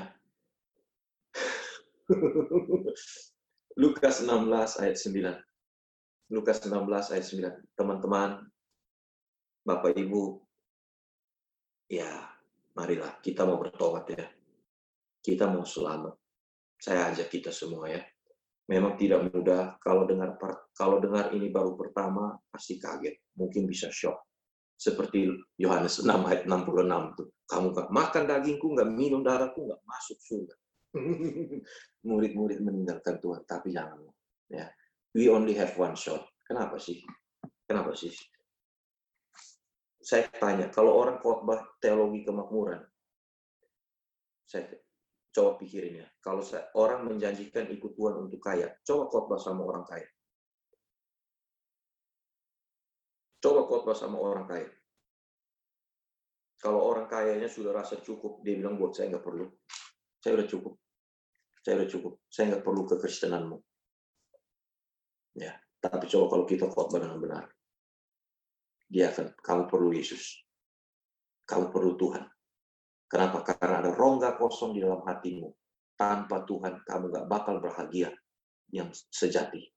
Pasti nggak ada damai, nggak ada sukacita, nggak ada kebenaran, nggak ada kuasa, dan tidak ada kepastian keselamatan. Dia ikut Tuhan, dia ikut Tuhan. Hari ini saya jarang komen sama orang. Saya jarang komen di Facebook atau di mana. Kemarin saya iseng. saya pas lihat ada ada pe, pe, ada gimana ya ngomongnya ada ada hamba Tuhan yang khotbahnya ngaco diganti sama hamba Tuhan yang khotbahnya ngaco lagi ini bukan di Indonesia jadi bapak ibu yang Indonesia nggak usah tersinggung ya ini di luar negeri ya. Kemudian ada kolom komen tulis ya. Ya ini mah cuma diganti sama yang lebih mudahan jadi yang si tua ini udah ini diganti sama yang lebih mudahan tapi intinya khotbah sama teologi kemakmuran. Teologi kemakmuran. Kemudian saya nggak pernah tulis. Tapi saya pikir ya siapa tahu ada yang baca ada satu dua jiwa bisa selamat. Ya saya tulis di komen saya bilang ya saya juga dulu mendengarkan khotbah dia bertahun-tahun. Bahkan berapa tahun saya punya lengkap khotbahnya. Tetapi sekarang saya ngerti ternyata dia penganut. Bukan berarti semua khotbahnya salah. Tahu orang itu bisa tersesat. Kalau 10 kok misalnya dia punya 100 khotbah 80 khotbahnya benar cuman 20-nya salah. Nangkap nggak? Maka kan orang bilang kan ini benar. Nah itu dia. Saya nggak bilang dia salah semua. Nangkap ya dia ada khotbahnya baik bagus tetapi ada bagian yang salah di situ yaitu dia tidak pernah khotbah tentang dosa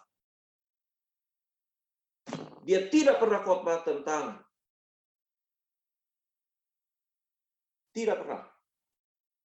Selalu pokoknya kalau ikut Tuhan nanti dapatkan ini semua. Maka saya tulis, ya saya juga ini, tapi saya sudah lama tinggalin juga. Karena itu kurang tepat, tidak tepat. Tahu-tahu ada yang protes di bawah Jadi rame.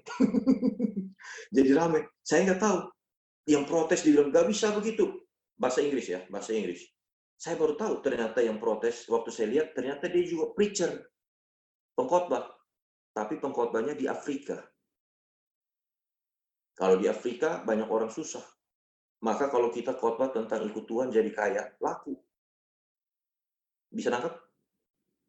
Tapi coba khotbah ikut Tuhan jadi kaya, khotbah sama Prince Arab Saudi sana. Orang-orang yang udah kaya punya kibbutz, punya semua. Kalau ikut Tuhan, mau nggak mereka? Nggak mau. Berarti jadi kebenaran itu benar untuk orang Afrika, kalau ikut Tuhan jadi kaya, nggak benar untuk orang Amerika. Kagak. Kebenaran itu di Amerika benar, di Afrika benar, di Mesir benar, di Arab Saudi juga benar. Harusnya demikian. Itu kebenaran. Bisa nangkap? Halo? Bisa ngerti ya? Jadi ini benar. Dari zaman Paulus sampai sekarang, ini benar. Inilah kebenaran. Lukas 16 ayat 9. Terakhir. Oke. Satu jam. 12 menit. 1 jam 15 menit lah ya. Kita lewat sedikit nggak apa-apa kan? Lukas 16 ayat 9. Oh, tolong ditampilin. Saya takut banyak orang tidak selamat. Jangan main-main dengan kekekalanmu. Jangan main-main dengan kekekalan. Ya. Kita mesti cari tahu yang benar. Nah, ini Tuhan Yesus berkata, dan aku berkata kepadamu, ikatlah persahabatan dengan mempergunakan mamon yang tidak jujur. Artinya begini, boleh, ini boleh dipakai ikat persahabatan dengan mempergunakan, bukan dengan mamon ya. Ada kata mempergunakan di garis bawahi. Jadi pakailah mamon yang tidak jujur ini untuk apa? Ikat persahabatan. Kalau saya punya uang banyak, terkenal, maka kalau saya bicara, kira-kira didengerin nggak? Misalnya dibilang begini, oh Elfree, yang khotbah Elfree, orang paling kaya di Indonesia. Nggak ada, hari ini berapa orang? Saya lihat so. 45 orang. Kalau Elfree sudah jadi orang paling kaya di Indonesia, saya ngomong, semua dengarin. Benar kan? Lebih banyak orang dengar. Orang berduit didengerin omongannya, meskipun belum tentu benar. Orang nggak berduit, ngomong benar, nggak didengerin orang. Ya itu kan orang melihat lahiriah orang dunia ya, tapi kita nggak boleh demikian, nggak boleh demikian. Tuhan bisa pakai siapa saja. Jadi ikatlah persahabatan dengan menggunakan mamon yang tidak jujur. Supaya mamon itu tidak dapat menolong kamu. Lagi kamu ditok diterima dalam kemah abadi. Jadi sebenarnya ini bukan berarti sia-sia mamon yang tidak jujur. Terus kalau begitu free, habis itu saya nggak mau kerja lagi lah, saya juga nggak mau pingin begini lah, udahlah. Bukan. Kalau engkau punya uang, apa? Tanya sama Tuhan. Tuhan, ini uang saya ini sudah terlalu banyak nih Tuhan. Terlalu banyak. mau diapain lagi nih Tuhan? Buat diri sendiri juga udah cukup. Buat hidupin keluarga juga udah cukup. Buat apa lagi nih Tuhan? Tanya sama Tuhan. Kalau engkau masih single, cewek, cantik gitu loh. Jangan pakai kecantikanmu untuk hal-hal yang gak bagus gitu loh. Ada cowok banyak naksir. Cowok yang naksir tuh ajakin dia PA. Gara-gara dia naksir sama lo, dia ikut PA. Biarin aja ketangkap sama Tuhan dulu. Kalau lu gak ketangkap sama Tuhan gak mau. Nah dari situ pakai itu namanya pergunakan. Ya kecantikan, aset, terkenal semua pakai untuk kumpulkan harta di surga. Yang saya suka bercanda, kalau nanti uang udah banyak, kita bikin PA begini, nanti kalau sudah bisa ini, kita bikinnya di hotel yang makannya buffet, ada lobster, ada seafood, banyak gitu loh yang enak-enak. Siapa yang bayar? Elvi bayarin semua. Undang aja sebanyak mungkin orang. Datang nggak? Datang. Datang. Makanya banyak persekutuan kadang-kadang mereka suka bikin di mana? Di hotel kan? Itu pakai duitnya. Makan gratis. Banyak orang datang. Di situ firman ditabur. Itu kita sedang kumpulkan harta di kekekalan. Ya, caranya bisa macam-macam. Itu cuma beberapa contoh. Jadi bukan gak ada arti. Kalau dibanding dengan pengenalan akan Tuhan, gak ada arti. Tetapi kalau engkau pakai untuk tukerin, maka itu ada hitungan, ada artinya buat di kekekalan nanti.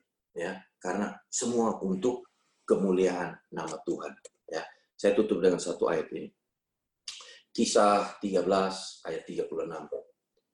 Kisah 13 ayat 36.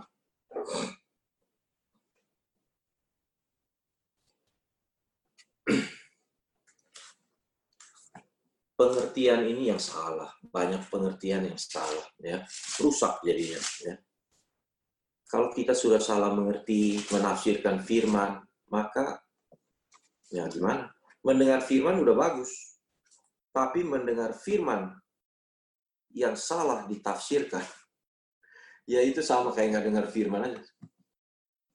Saya ulangi ya, dengerin firman udah bagus, tapi coba kalau kita saya ngajarin untuk kejar Tuhan ya, supaya nanti dapat mamon yang tidak jujur. Nah ini kan salah menafsirkan. Salah menafsirkan. Yang mamon yang tidak jujur bagaimana free? Bertanggung jawablah sebagai manusia. Jaga makan, jaga pola hidup, bekerja yang rajin, punya karakter yang bagus, masa dalam kerjaan kamu gak berhasil? Pasti Tuhan juga campur tangan nanti. ya tetapi tolong nggak usah terlalu tekenin ya. Kisah 13 ayat 36 ya terakhir. Bilang apa?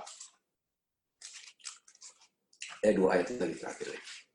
Daud, oh saya baca ya. Sebab Daud melakukan kehendak Allah pada zamannya. Ini luar biasa loh. Daud, waktu dia selesai hidupnya, Tuhan kasih suatu rangkuman mengenai kehidupan Daud.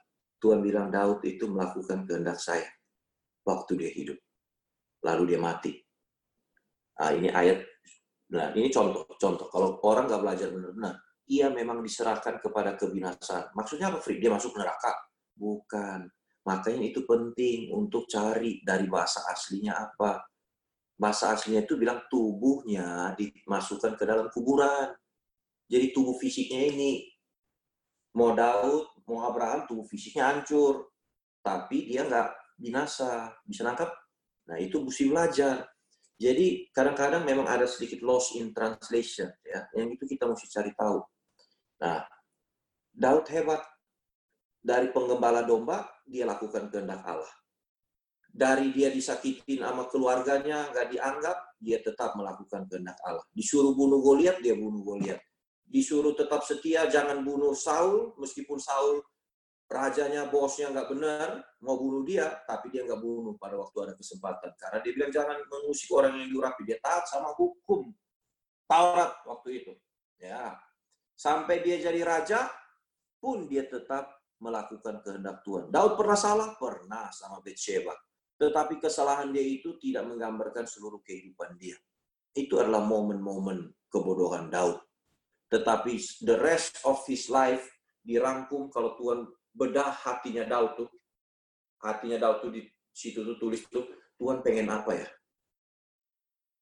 Di hati Daud tuh kira-kira tertulis, Tuhan pengennya apa ya? Tuhan senangnya apa ya? Nah itu tuh. Jadi apa pun yang dilakukan, dia bilang, Tuhan senang nggak ya? Tuhan maunya apa ya? Nah itu. Hebat. Itu prestasi terbesar.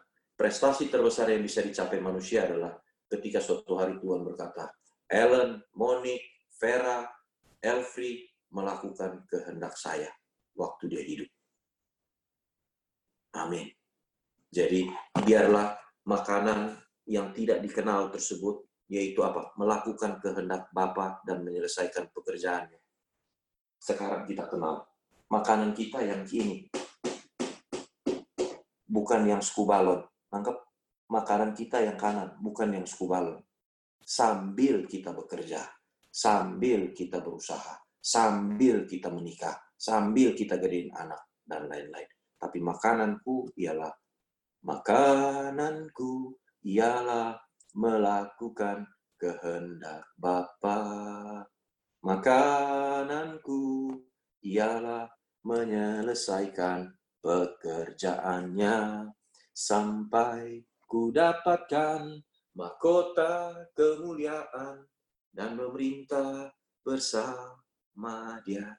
Nanti engkau diganti nanti di kekekalan. Baru dikasih harta milikmu sendiri. Yang ini sekarang semua yang kita punya, itu harta milik Tuhan. Jadi tanya sama Tuhan, mau diapain?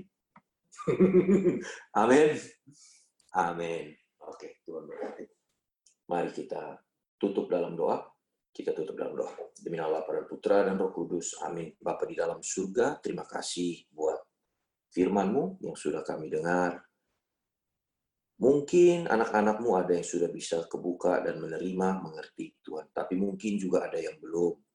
Biar Tuhan sendiri yang tolong bukakan mata hati mereka, biar mereka boleh mengerti Injil Tuhan yang murni, Injil yang benar, sehingga kami tidak salah melangkah, karena kami hanya punya satu kali kesempatan ketika kami hidup di dunia ini. Tuhan, terlalu banyak contoh firman-Mu dan contoh-contoh hamba-hambamu yang lurus mengikuti Engkau, Tuhan. Biar itulah boleh jadi contoh dan teladan kami semua. Terima kasih Tuhan, meteraikan firman-Mu dalam hidup kami, biar melakukan kehendak-Mu dan menyelesaikan pekerjaan-Mu. Mungkin hari ini masih jadi beban, mungkin hari ini belum sampai kami senang bersuka cita ketika melakukan, tetapi kami mau taat dulu. Kami mau mulai dulu. Sampai suatu hari Engkau yang ubah terus menerus hati kami.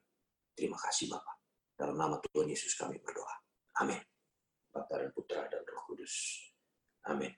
Tuhan memberkati. Amin. Thank you Ko Alfri sudah bagikan firman sore hari ini. Buat teman-teman semua kita setiap Sabtu jam 3 kita ada persekutuan doa seperti ini. Mari kita ikutin terus setiap minggu. Uh, dan satu hal kita mau apa sih uh, terus ikut Tuhan gitu rajin kita belajar firman. Nanti someday nggak tahu berapa tahun lagi satu hal yang saya yakin kita nggak akan menyesal. Amin. Oke, kita tutup persekutuan doa kita dengan uh, doa. Demi nama Bapa dan Putra dan Roh Kudus, amin. Terima kasih ya Tuhan Yesus. Di masa-masa seperti ini Tuhan kami boleh ambil waktu tenang Bapak untuk mendengarkan firman Tuhan. Kami percaya Tuhan kalau kami ada di sini Tuhan, itu karena Engkau pilih Bapak dan bagian kami, kami mau meresponi Tuhan Yesus Bapak. Mungkin nggak gampang Tuhan Yesus. Karena makanan yang kau berikan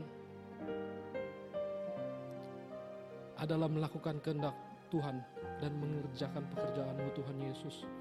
Mungkin firman hari ini agak berat Tuhan Yesus. Tapi kami nggak mau seperti domba yang hilang Tuhan Yesus. Kami nggak mau lari Tuhan Yesus. Tapi kami mau jujur di hadapanmu Tuhan Yesus. Dan kami percaya kepadamu Tuhan bahwa Engkau adalah gembala yang baik Tuhan. Dan Engkau akan cari semua domba-domba di kawananmu ya Tuhan Yesus. Biar roh kudus berikan kami kekuatan Tuhan. Untuk mengambil pilihan-pilihan hidup ini Tuhan Yesus Bapa. Kami mau Tuhan pikiran kami boleh diubahkan Bapak hari lepas hari Tuhan Yesus. Biar kami boleh mengerti apa yang menjadi kehendakmu Tuhan di dalam hidup kami Bapa Dan kami boleh beroleh kekuatan Tuhan untuk melakukannya Bapa Karena kami percaya Tuhan itu akan menjadi kepuasan Bapa di dalam hidup kami Bapa Dan itu boleh menyenangkan hatimu Tuhan. Terima kasih ya Tuhan Yesus. Kalau sebentar lagi kami mau akhiri uh, persekutuan sore hari ini Tuhan Yesus. Kami juga mau berdoa Tuhan untuk Ko Alfri Bapak yang sudah bagikan firman Bapak. Kami berdoa Tuhan bagi dia Tuhan Yesus. Kiranya Tuhan Engkau terus pakai Bapak hidupnya Bapak. Biar Engkau terus boleh berbicara Tuhan di dalam hatinya Bapak. Biar ada pengajaran-pengajaran yang Engkau sampaikan Bapak. Yang dia boleh sampaikan kepada orang-orang lain Bapak. Biar dia boleh menjadi berkat bagi orang-orang lain Tuhan. Terima kasih Tuhan Yesus. Sebentar kami mau akhiri uh, persekutuan ini Tuhan Yesus. Kami mohon kekuatan yang daripadamu Bapa. Roh Kudus tinggal di dalam hati kami. Roh Kudus yang berikan kekuatan pada kami Bapa sepanjang minggu-minggu ini sampai minggu depan Tuhan Yesus Bapa. Kalau dunia menawarkan banyak hal yang menyenangkan daging kami Bapa. Kami percaya Tuhan Yesus.